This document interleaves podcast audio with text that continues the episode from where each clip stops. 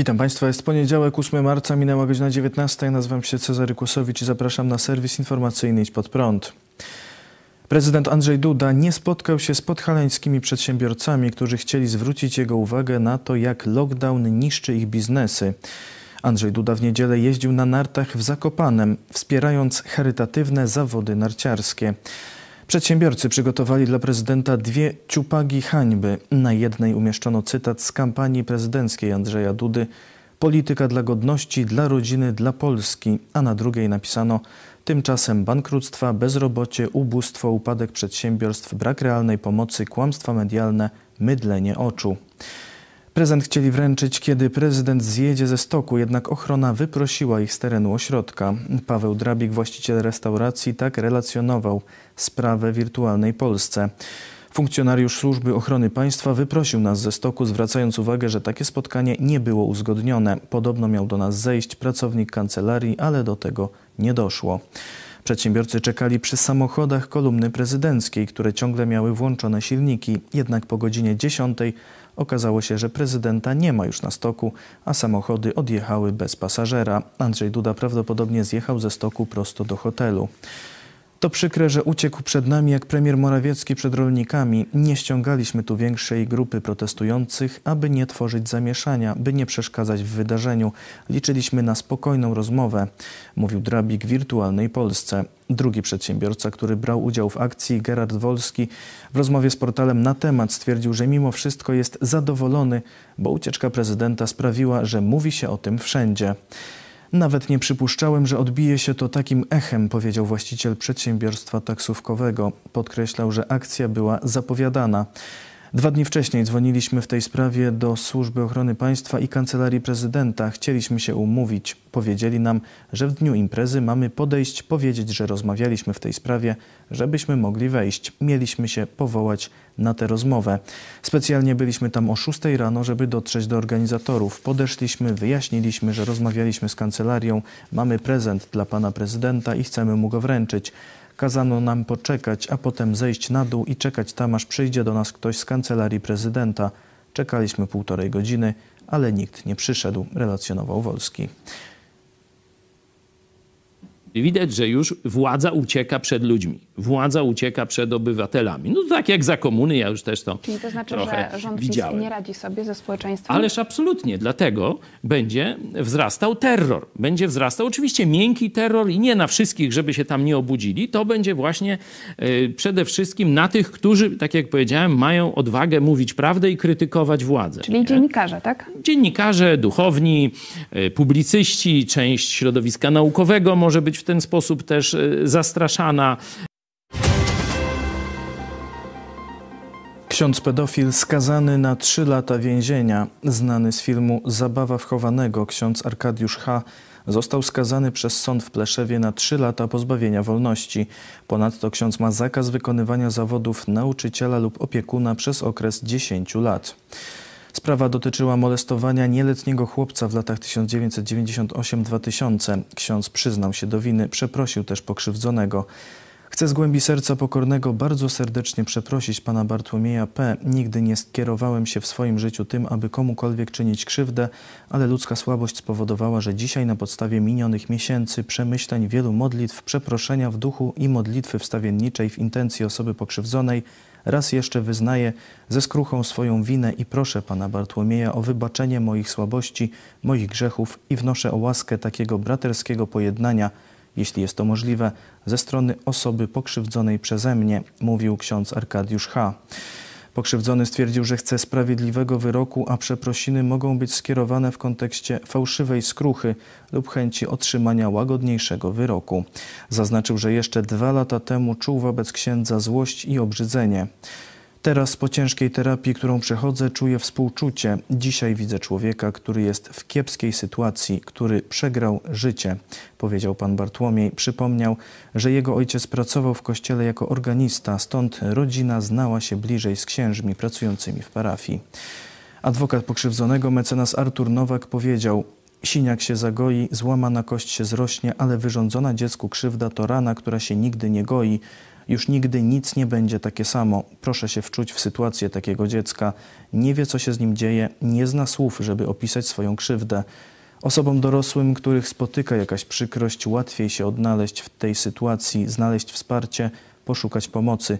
A co ma zrobić dziecko wychowane w rodzinie, w której ojciec jest na garnuszku parafii, a matka chodzi do kościoła? To jest dramat osób, które poczuły się oszukane i też czują poczucie winy. Nie chce mi się wierzyć, jak bardzo zakłamana jest instytucja kościoła, która poucza, moralizuje, a trzyma i ukrywa pedofilów. Do prokuratury zgłosiło się jeszcze sześć osób pokrzywdzonych przez księdza, ale ich sprawy się przedawniły. Dominikanie przepraszają za krzywdzenie ludzi w duszpasterstwie akademickim. Członkowie zakonu Dominikanów z Wrocławia opublikowali list, w którym przepraszają za wydarzenia, jakie miały miejsce w duszpasterstwie akademickim. W latach 1996-2000 w ramach naszego duszpasterstwa akademickiego działał intensywny mechanizm przypominający funkcjonowanie religijnej sekty. Świadectwa pokrzywdzonych, osób wówczas dorosłych przekonują nas dzisiaj, że ówczesny duszpasterz pod pozorem pobożności wyrządził wielką krzywdę wiernym, stosując przemoc fizyczną, psychiczną, duchową, a nawet seksualną, piszą zakonnicy i apelują, by wszyscy, którzy doznali krzywd, zgłaszali to.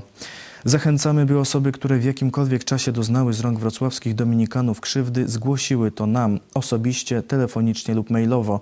Wszystkie zgłoszenia przekażemy kompetentnym władzom, prowincjałowi oraz organom ścigania, jeśli okaże się to konieczne, zapewniają zakonnicy. Apel wrocławskich dominikanów poparł prowincjał polskich dominikanów ksiądz Paweł Kozacki. Dodał, że wkrótce dominikanie w całej Polsce ogłoszą prośbę o zgłaszanie nadużyć seksualnych. Jakakolwiek sprawa wrocławska, nie, jakkolwiek sprawa wrocławska nie dotyczy pedofilii, informuję przy tej okazji, że w najbliższych tygodniach ogłosimy we wszystkich dominikańskich kościołach prośbę o zgłaszanie przypadków nadużyć seksualnych popełnionych przez dominikanów wobec osób niepełnoletnich.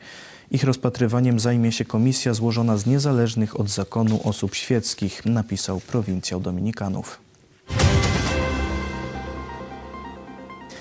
Dziennikarz oskarżony za relacjonowanie manifestacji kobiet. Reporter portalu Onet Marcin Terlik został oskarżony o złamanie zakazu gromadzenia się.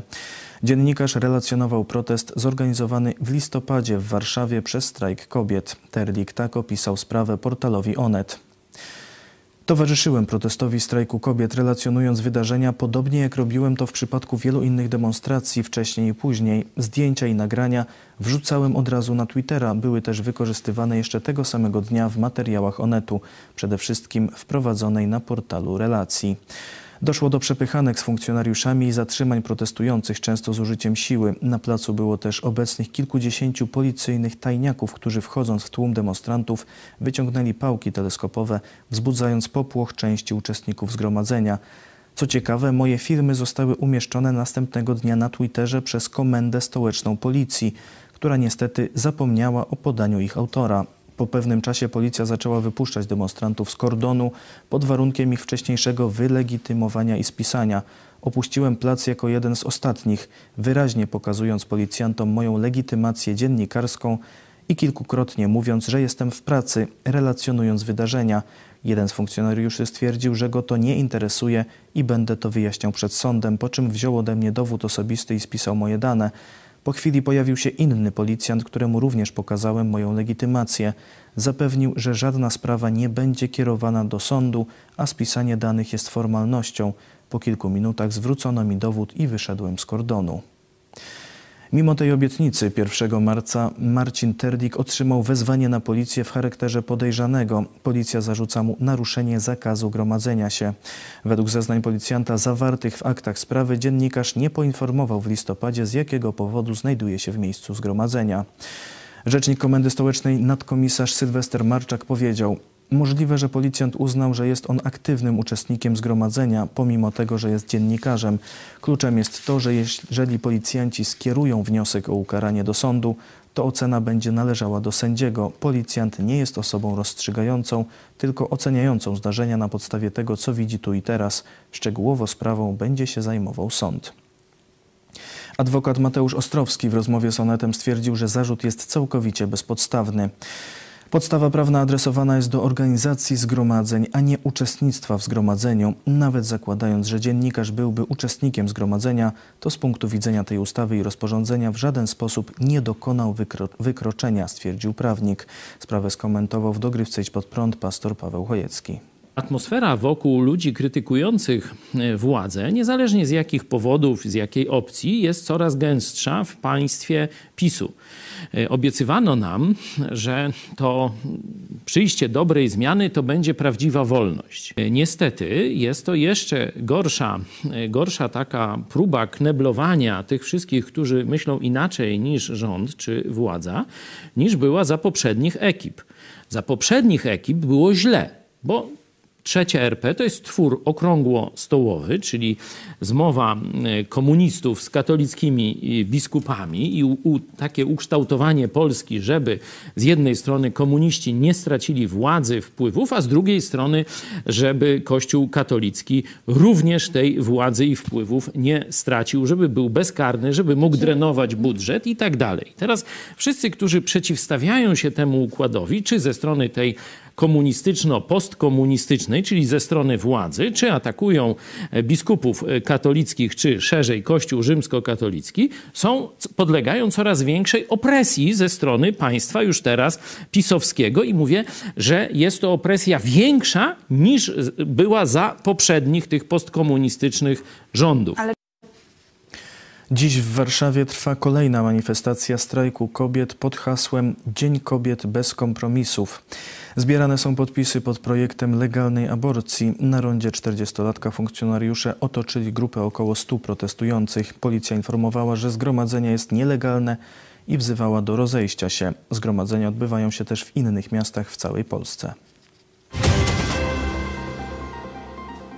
Ustawa o 14 emeryturze podpisana. Prezydent Andrzej Duda podpisał ustawę o kolejnym w tym roku dodatkowym rocznym świadczeniu pieniężnym dla emerytów i rencistów. Dodatkowe świadczenie ma otrzymać w listopadzie ponad 9 milionów osób. Wyniesie ono maksymalnie 1250 zł brutto. Dodatek w tej wysokości mają otrzymać osoby, których emerytury są niższe niż 2900 zł brutto. Dla tych, którzy otrzymują wyższe emerytury, czternastka będzie pomniejszona o kwotę przekraczającą próg 2900 zł. Czy kwota wolna od podatku zostanie podniesiona do 30 tysięcy złotych? Portal OKO.press ujawnił informacje dotyczące nowego Polskiego Ładu, rządowego planu, który ma być ogłoszony 20 marca. Według informatorów portalu Prawo i Sprawiedliwość ma ogłosić, że częścią planu są kwota wolna od podatku w wysokości 30 tysięcy złotych oraz zwolnienie z podatku emerytur do 2,5 tysiąca złotych. Warto przypomnieć, że już w 2015 roku Andrzej Duda w kampanii obiecywał podniesienie kwoty wolnej od podatku do 8 tysięcy złotych. Do dziś ta obietnica nie została spełniona. Przyspiesza inflacja w Polsce. Narodowy Bank Polski przedstawił nowe prognozy inflacji. Jeszcze w listopadzie eksperci Banku Centralnego prognozowali na ten rok inflację w wysokości 2,6%. Teraz uważają, że w tym roku wyniesie około 3,1%, w przyszłym 2,8%, a w 2023 3,2%. Według NBP za tak przyspieszony wzrost ogólnego poziomu cen odpowiada przede wszystkim zwiększenie cen energii spowodowane drożeniem uprawnień do emisji dwutlenku węgla oraz ropy naftowej. Analitycy przewidują jednak, że od połowy roku tanieć będą owoce i warzywa oraz mięso. Dr Przemysław Kwiecień, główny ekonomista XTB w rozmowie z Market News 24 podkreślił, że równocześnie z rosnącą inflacją spada oprocentowanie lokat, które już i tak było poniżej inflacji. 10 tysięcy dziś, a 10 tysięcy za 5 lat przy e, rocznej inflacji w okolicach 3% powiedzmy, no to będzie utrata wartości blisko 20%, prawda? więc jakby generalnie e, nie mało. To taki mechanizm ukrytego podatku, jakby to, że nie da się tak łatwo od tej, tego podatku inflacyjnego uciec, to pokazuje, że jakby w gospodarce nic nie, nie bierze się z nieba. To nie jest tak, że e, z jednej strony rząd może finansować tanio deficyt, nie wiem, firmy czy gospodarstwa domowe, też to w mniejszym stopniu mogą tanio pożyczać, a z drugiej strony nikt za to nie płaci. No płacimy właśnie płacą za to oszczędzający, którzy trochę nie bardzo mają tutaj taki idealny wybór. 403 osoby zmarły z powodu chińskiego koronawirusa w Polsce w ciągu ostatniego weekendu. W piątek zmarło 245 osób, w sobotę 126, wczoraj 32. Łączna liczba zgonów z powodu wirusa przekroczyła 45 300. W ciągu ostatniej doby stwierdzono ponad 6 tysięcy zakażeń. Przez ostatnie dni liczba osób zakażonych wymagających hospitalizacji, a także liczba respiratorów wykorzystywanych do ich leczenia stale rośnie. Obecnie w szpitalach przebywa 17 300 zakażonych. W użyciu jest ponad 1800 respiratorów. W Polsce wykonano już ponad 3 miliony 390 tysięcy szczepień przeciw koronawirusowi, w tym 17 tysięcy wczoraj, 48 tysięcy w sobotę i 171 tysięcy w piątek. Łącznie już ponad 1 430 tysięcy osób otrzymało dwie dawki szczepionki. Odnotowano ponad 4200 niepożądanych odczynów poszczepiennych. Na całym świecie koronawirus komunistycznych Chin pochłonął już 2 miliony 600 tysięcy ofiar. Wczoraj zarejestrowano śmierć 5 tysięcy osób. We Francji oddziałom intensywnej terapii grozi przepełnienie. Zakażonych pacjentów jest tam najwięcej od listopada. Tylko w ciągu ostatniej doby liczba zakażonych pacjentów na ojomach wzrosła prawie o 200.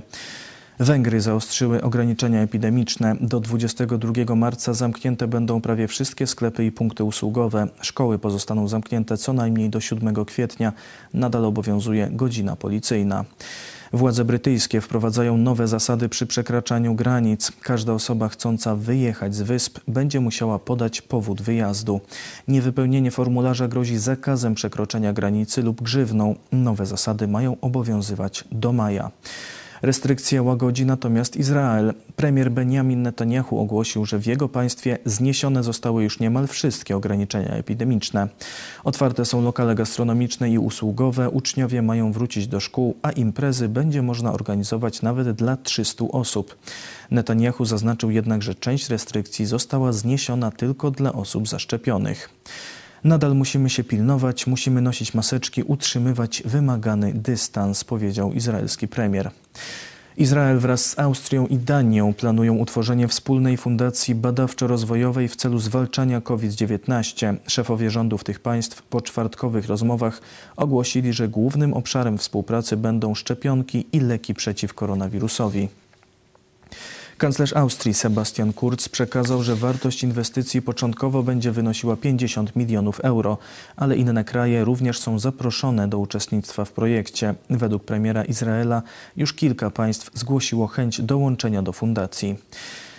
Austria wycofała z obrotu 6 tysięcy dawek szczepionki AstraZeneca. Federalny Urząd do Spraw Bezpieczeństwa Zdrowia oświadczył, że powodem była śmierć jednej pielęgniarki, która zaszczepiła się preparatem oraz zator płucny u innej. Urząd stwierdził jednocześnie, że nie ma obecnie dowodów na związek przyczynowy ze szczepionką i można podawać dawki z innych partii szczepionki brytyjskiego producenta.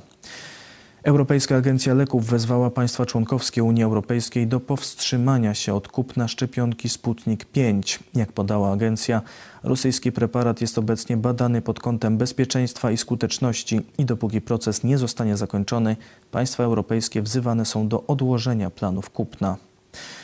Amerykański dziennik Wall Street Journal, powołując się na urzędników Departamentu Stanu, ogłosił, że Rosja wykorzystuje media społecznościowe i inne strony internetowe do wprowadzenia na Zachodzie chaosu informacyjnego w zakresie szczepionek. Amerykański Departament Stanu miał zidentyfikować cztery portale prowadzone przez rosyjskie służby: New Eastern Outlook, Oriental Review, Newsfront oraz Rebel Insight. Według amerykańskiego wywiadu poprzez te portale Rosjanie wprowadzają do sieci fałszywe narracje, na przykład wyolbrzymiające negatywne efekty szczepień. Amerykański koncern farmaceutyczny Merck poinformował o skuteczności opracowywanego przez niego leku na koronawirusa. Firma podała, że będący właśnie w drugiej fazie badań molnupiravir powoduje szybką redukcję obecności koronawirusa u nosiciela. Koniec kolejnej fazy testów planowany jest na maj. Naukowcy chcą nowego śledztwa w sprawie pochodzenia koronawirusa. Zespół badaczy Światowej Organizacji Zdrowia, którzy odbyli wizytę w komunistycznych Chinach, w lutym tego roku ogłosił, że opóźni publikację raportu tymczasowego opisującego rezultaty wyjazdu. Rzecznik WHO Tarik Jasarewicz zapowiedział, że pełne sprawozdanie spodziewane jest w najbliższych tygodniach. Po powrocie naukowców z delegacji do Chin twierdzili, że lekarze i urzędnicy chińscy nie chcieli dzielić się swoją wiedzą i nie chcieli przekazać dokumentów istotnych do ustalenia pochodzenia wirusa. Tymczasem grupa 26 naukowców z całego świata, głównie z USA, Australii i Francji, w liście otwartym wezwała w czwartek do ponownego przeprowadzenia śledztwa dotyczącego pochodzenia wirusa, ponieważ, jak stwierdzili, ostatni wyjazd zespołu do Chin nie przybliżył świata do poznania prawdy. Autorzy listu podkreślają, że dotychczasowe dochodzenie zostało przeprowadzone nieprawidłowo ze względu na ograniczenia strukturalne oraz poddają w wątpliwość niezależność naukową należących do zespołu badaczy chińskich. W liście czytamy: Doszliśmy do wniosku, że wspólny zespół nie miał mandatu, niezależności ani dostępu niezbędnego do przeprowadzenia pełnego i nieograniczonego dochodzenia w sprawie wszystkich odpowiednich hipotez dotyczących pochodzenia SARS-CoV-2, czy to naturalnego efektu ubocznego, czy laboratoryjnego incydentu związanego z badaniami. Przechodzimy do wiadomości sportowych. Polska drużyna w składzie Piotr Żyła, Andrzej Stękała, Kamil Stoch i Dawid Kubacki zdobyła brązowy medal Mistrzostw Świata w skokach narciarskich w niemieckim Oberstdorfie. Jeszcze przed ostatnią serią skoków biało-czerwoni byli na czele stawki, jednak znakomite skoki Niemca Karla Geigera na odległość 136 metrów i Austriaka Stefana Krafta na 133 metr sprawiły, że ostatecznie Polacy zajęli trzecie miejsce. Wygrali Niemcy przed Austrią. Medal to zawsze jest sukces. Ten brąz smakuje tym lepiej, że dziś szło na żyletki. Każdy z nas wytrzymał, dał wszystko, co miał i wspólnie osiągnęliśmy sukces, powiedział Kamil Stoch. Biorąc pod uwagę wyniki indywidualne, najlepszym skoczkiem konkursu drużynowego był Piotr Żyła, który dwukrotnie skoczył 139 metrów. W konkursie na dużej skoczni nasz zawodnik nie miał szczęścia, zajmując czwartą pozycję, przegrywając ze Stefanem Kraftem, Norwegiem Robertem Johanssonem i Karlem Geigerem. Bardzo dobrze zaprezentowali się polscy lekkoatleci na halowych Mistrzostwach Europy, które odbyły się w Toruniu. Niespodziewanym mistrzem Europy w biegu na 800 metrów został Patryk Dobek. Nasz zawodnik przebiegł finał z czasem 1 minuty 46 sekund i 81 setnych. I tym samym poprawił swój rekord życiowy. Drugi na mecie był inny reprezentant Polski, Mateusz Borkowski. Na czwartej pozycji uplasował się Adam Kszczot. W wywiadzie udzielonym TVP Sport Patryk Dobek powiedział Traktowałem ten bieg jak kolejny etap przygotowań. Nie wiedziałem, kiedy grupa ruszy mocniej, byłem czujny, kontrolowałem ruchy rywali i przechodziłem wyżej. Powiedziałem sobie teraz albo nigdy. Srebrne medale w Toruniu wywalczyli Michał Haratyk w pchnięciu kulą, w biegu na 400 metrów Justyna Święty Ersetic, w biegu na 800 metrów Joanna Jóźwik oraz Marcin Lewandowski w biegu na 1500 metrów. Miłą niespodziankę sprawił Paweł Wiesiołek, który zdobył brąz w siedmioboju, gromadząc 6133 punkty, poprawiając tym samym rekord życiowy. Ponadto brąz wywalczyli Paweł Lisek w skoku o tyczce, Angelika Cichocka w biegu na 800 metrów oraz sztafeta kobiet 4 razy 400 metrów. Łącznie reprezentanci Polski zdobyli na mistrzostwach 10 medali. W niedzielę rano Jan Blachowicz obronił pas wagi półciężkiej Federacji UFC, najlepszej na świecie organizacji mieszanych sztuk walki. Błachowicz mierzył się z Izraelem Adesanią, który był do tej pory niepokonany. Nigeryjczyk jest mistrzem kategorii średniej. Podjął jednak walkę z cięższym od siebie Polakiem, by zostać pierwszym w historii niepokonanym mistrzem dwóch kategorii. Błachowicz wygrał pojedynek na punkty. Adesania po walce stwierdził, że cieszy się, że pierwszym rywalem, który go pokonał jest Jan. Walka uznawana jest za najważniejszą w historii polskiego MMA. W niedzielę polska sztafeta kobiet zajęła piąte miejsce na Mistrzostwach Świata w short tracku w holenderskim Dordrechcie. Mamy potencjał, jesteśmy silnym zespołem i idziemy do przodu bardzo dynamicznie, oceniła trenerka kadry Urszula Kamińska. W rywalizacji indywidualnej najlepiej z Polek radziła sobie Nikola Mazur. Zarówno w sobotę na 500 metrów, jak i w niedzielnym wyścigu na 1000 metrów zajęła ósme miejsce. Te mistrzostwa nie były udane dla liderki polskiej kadry Natalii Maliszewskiej. Nasza wicemistrzyni świata i mistrzyni Europy na 500 metrów w sobotę odpadła w ćwierćfinale wyścigu na 500 metrów, a w niedzielę odpadła na tym samym etapie zawodów na dystansie 1000 metrów. Gwiazdą mistrzostw została Holenderka Susan Schulting, która okazała się najlepsza na 500, 1000 i 1500 metrów. Ponadto wygrała w wieloboju, wygrywając również finałowy bieg na 3000 metrów, a wraz z koleżankami wywalczyła złoto w sztafecie. W ostatni weekend w zawodach Pucharu Świata w słoweńskiej Rogli trzecie miejsce w konkurencji slalomu równoległego zajął polski snowboardzista Oskar Kwiatkowski. Polak przegrał tylko ze Słoweńcem Zanem Kosirem i z Rosjaninem Andriejem Soboliewem. Na siódmym miejscu uplasował się Michał Nowaczyk. Wśród kobiet dwunasta była Aleksandra Król, siedemnasta Aleksandra Michalik i dwudziesta siódma Weronika Biela-Nowaczyk. Wygrała Niemka Ramona Hofmeister. To wszystko w tym wydaniu serwisu. Dziękuję Państwu za uwagę. Kolejny serwis jutro o 19, a jeszcze dziś o 20.30 Biblia w czasie zarazy, lektura Księgi Apokalipsy. Do zobaczenia.